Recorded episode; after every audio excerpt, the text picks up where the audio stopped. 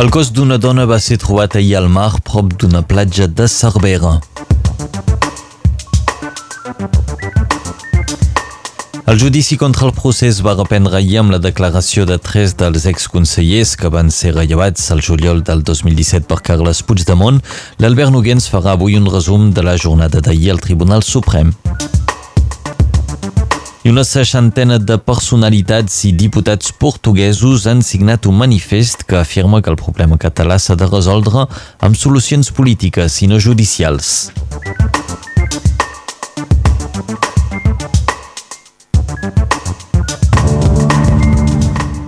A Polit, si circuleu per la zona del Pimorena, hi van començar unes obres de reparació al pont Puig a la Nacional 320, a la carretera del Coll del Pimoren. Durant cinc mesos, una desviació serà oberta. La Direcció Interdepartamental de les Carreteres del Sud-oest demana que es respecti la senyalització per garantir la seguretat dels automobilistes i dels obrers. Macabra descoberta i a Cervera. El cos d'una dona d'uns 50 anys va ser localitzat al mar, molt a prop d'una platja principal del vilatge. Una investigació ha estat oberta per identificar el cos i per descobrir les causes de la mort. Una autòpsia serà realitzada a finals de setmana a l'Institut Medico-Legal de Montpellier. Els investigadors treballaran amb investigadors sud-catalans per establir una llista de desaparicions en aquell sector. Avui s'obre Canet la quinzena edició del Fòrum de l'Emplego de temporada. De les 9 del matí fins a la 1 del migdia al Liceu Rosa Luxemburg acollirà empreses que es dediquen a oficis turístics com ara l'hostaleria, el comerç o la gran distribució. Durant aquesta matinada s'espera que s'hi presentin prop de 4.000 persones que cerquen feina durant els mesos d'estiu. La cita és avui fins a la 1 del migdia al Liceu Rosa Luxemburg de Canet. El Parc de les Exposicions de Perpinyà acull des d'avui la onzena edició del Medfel, el Saló Internacional de Negocis de la filera de fruita i de llegums de l'euro mediterrani. Fins divendres s'espera que visitin el Saló prop de 6.000 visitants.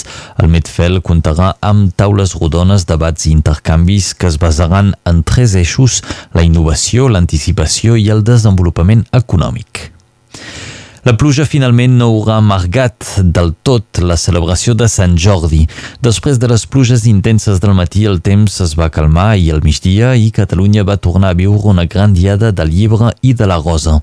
Avui, aquí a Catalunya Nord, els actes relacionats amb Sant Jordi continuaran, de fet, durant tota la setmana i avui, per exemple, us presentem el llibre La Catalunya i l'Espanya les clés du conflit. El llibre el firmen diferents personalitats com l'eurodiputat José Bové, el vicepresident del Consell Departamental Nicolás García o el president d'Òmnium Jordi Cuixart, entre altres. Per saber-ne més sobre aquest treball, doncs el podeu descobrir a les sis i mitja a la Casa de la Catalanitat de Perpinyà.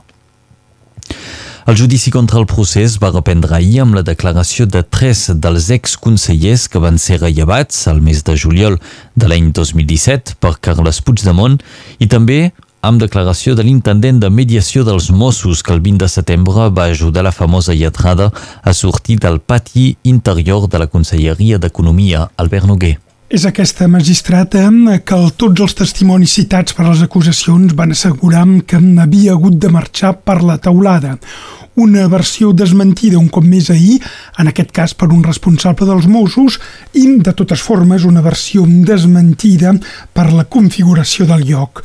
Una sessió d'ahir molt diferent, de fet, de les dues darreres setmanes per diverses raons. Ahir no es van sentir més les paraules massa, por, i odi. Ahir no va ser necessari als advocats queixar-se eh, per no poder comparar les versions dels testimonis amb el que es veu en els vídeos, perquè el que explicaven els testimonis coincidia amb la realitat d'aquests vídeos. Altres canvis. Ahir els testimonis van acceptar ser filmats en la transmissió en directe del procés i ahir els testimonis van prometre dir la veritat i no jurar quan ho han fet fins ara la gran majoria de guàrdies civils i agents de la policia espanyola que han comparegut fins ara. A l'estat espanyol, en un judici, els testimonis poden triar entre jurar, és a dir, comprometre's a dir la veritat davant un poder diví o institucional o prometre que és un compromís personal, Al llarg d'aquest judici, fins ara, els catalans solen prometre, mentre que els espanyols juren. Moltes gràcies, Albert Noguer. I destaquem que una nova denúncia ha aparegut contra la judicialització del conflicte entre Catalunya i Espanya. Una seixantena de personalitats i diputats de tres partits portuguesos han signat un manifest que afirma que el problema català és de naturalesa política i que, per tant, s'ha de resoldre amb solucions polítiques i no judicials. El manifest el van signar diferents representants del, de, de polítics portuguesos seguint la línia que van marcar els senadors de l'estat francès o també un grup d'intel·lectuals i polítics italians que reclamaven la llibertat dels presos i una solució política a Catalunya. I malgrat la presó i l'allunyament, Jordi Cuixart no es rendeix. Una bona mostra d'això és l'anunci que va fer juntament amb la seva parella, Txell Bonet. Tots dos seran pares al mes de setembre. Cuixart ha declarat que cap presó ni repressió no pot aturar les ganes de seguir construint la seva família. El conseller d'Afers Estrangers de la Generalitat, Alfred Bosch, ha reclamat la llibertat dels presos polítics en una recepció organitzada al Palau de Westminster, al Regne Unit. L'acte s'ha fet per celebrar el dia de Sant Jordi, patró que comparteixen Anglaterra i Catalunya. I el vaixell Open Arms, que rescata migrants al Mediterrani, ja torna a navegar. Ahir va salpar del port de Barcelona per transportar material humanitari al Mediterrani.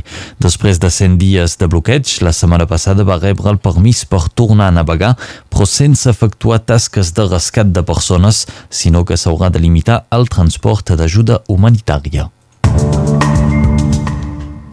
Als esports parlem de futbol amb el Girona que va perdre ahir un partit important contra el Valladolid, un rival directe pel manteniment a primera divisió, amb un resultat final d'un a 0 en contra el Girona, doncs s'ha complicat la vida per intentar mantenir-se a la màxima competició.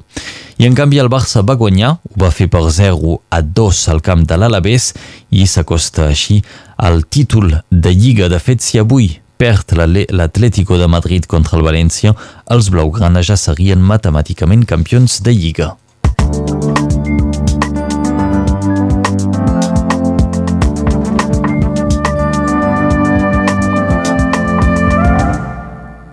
Passem ara a la previsió del temps amb la Laura Bertran.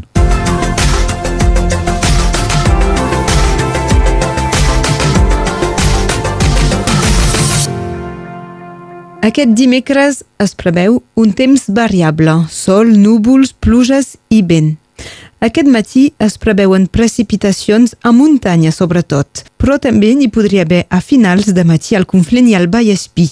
Durant la tarda s'acabarà imposant el temps assolellat, sempre acompanyat de núvols, a tot el país. Notem també que bufa el vent de mitjorn amb ratxes de fins a 75 km per hora. En general farà més calor que ahir a la plana i més fred a muntanya. Les màximes seran de 20 graus a Perpinyà i Arles de Tec, 19 tant al Bolú com a Eus, 18 a Sureda, 16 graus a Molitge als Banys, 14 a Prats de Molló, 13 a Tues entre Valls, 12 del Banc de Fontpedrosa, 10 graus a Estavar, 9 a Sallagosa, 7 tant a Monlluís com a Porter Pimorren i 6 de màxima a Font-romeu. Els que segueixen el calendari lunar per cuidar l'hort han de dedicar aquest dimecres a les fruites, mentre que demà es desaconsella treballar la terra per un nus lunar. Aquest 24 d'abril és l'aniversari del Josep Borrell, antic president del Parlament Europeu, actualment ministre d'Exterior espanyol i conegut per al seu anti-independentisme català. Josep Borrell va néixer a la Pobla de Segur el 1947. Avui és el dia de commemoració del genocidi armeni per part de Turquia l'any 1915 i el darrer dia de les celebracions de les festes de moros i cristians a Alcoi, al País Valencià. El sol es pondrà a les 8 i 40 del vespre, guanyarem així dos minuts de llum del dia.